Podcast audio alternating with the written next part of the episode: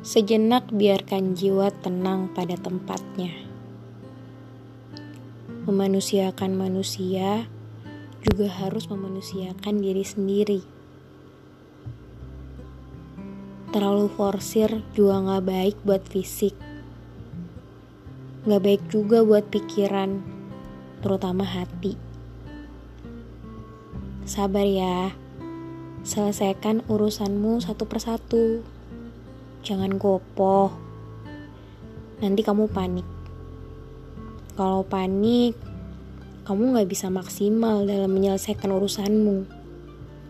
Tenangin diri dulu lurusin niat kamu. Allah tahu kok kamu sudah berusaha berusaha untuk maksimal melakukan yang terbaik. Jangan nyerah ya. Gak ada salahnya kok istirahat. Kumpulin energi, kumpulin semangat, kumpulin motivasi. Biar kamu bisa fresh lagi dan bisa berbuat kebaikan yang lebih banyak lagi. Yuk, jadi baik.